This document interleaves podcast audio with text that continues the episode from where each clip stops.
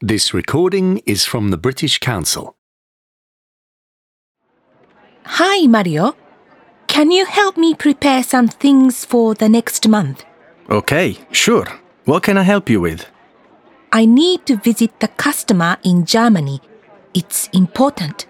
What can I do to help? Can you send an email to the customer? Ask them when I can visit them next week. Please do this fast. It's a priority and very urgent. Right, I'll do it today. Thanks. This next task is also important. Can you invite everyone to the next team meeting? Yes, I will.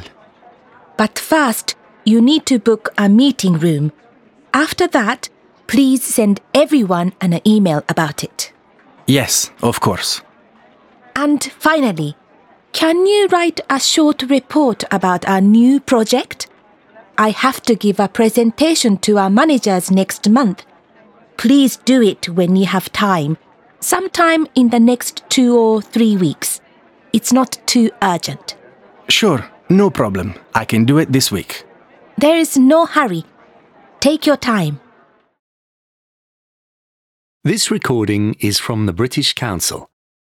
To find more activities to practice your English, visit www.britishcouncil.org forward slash learn English.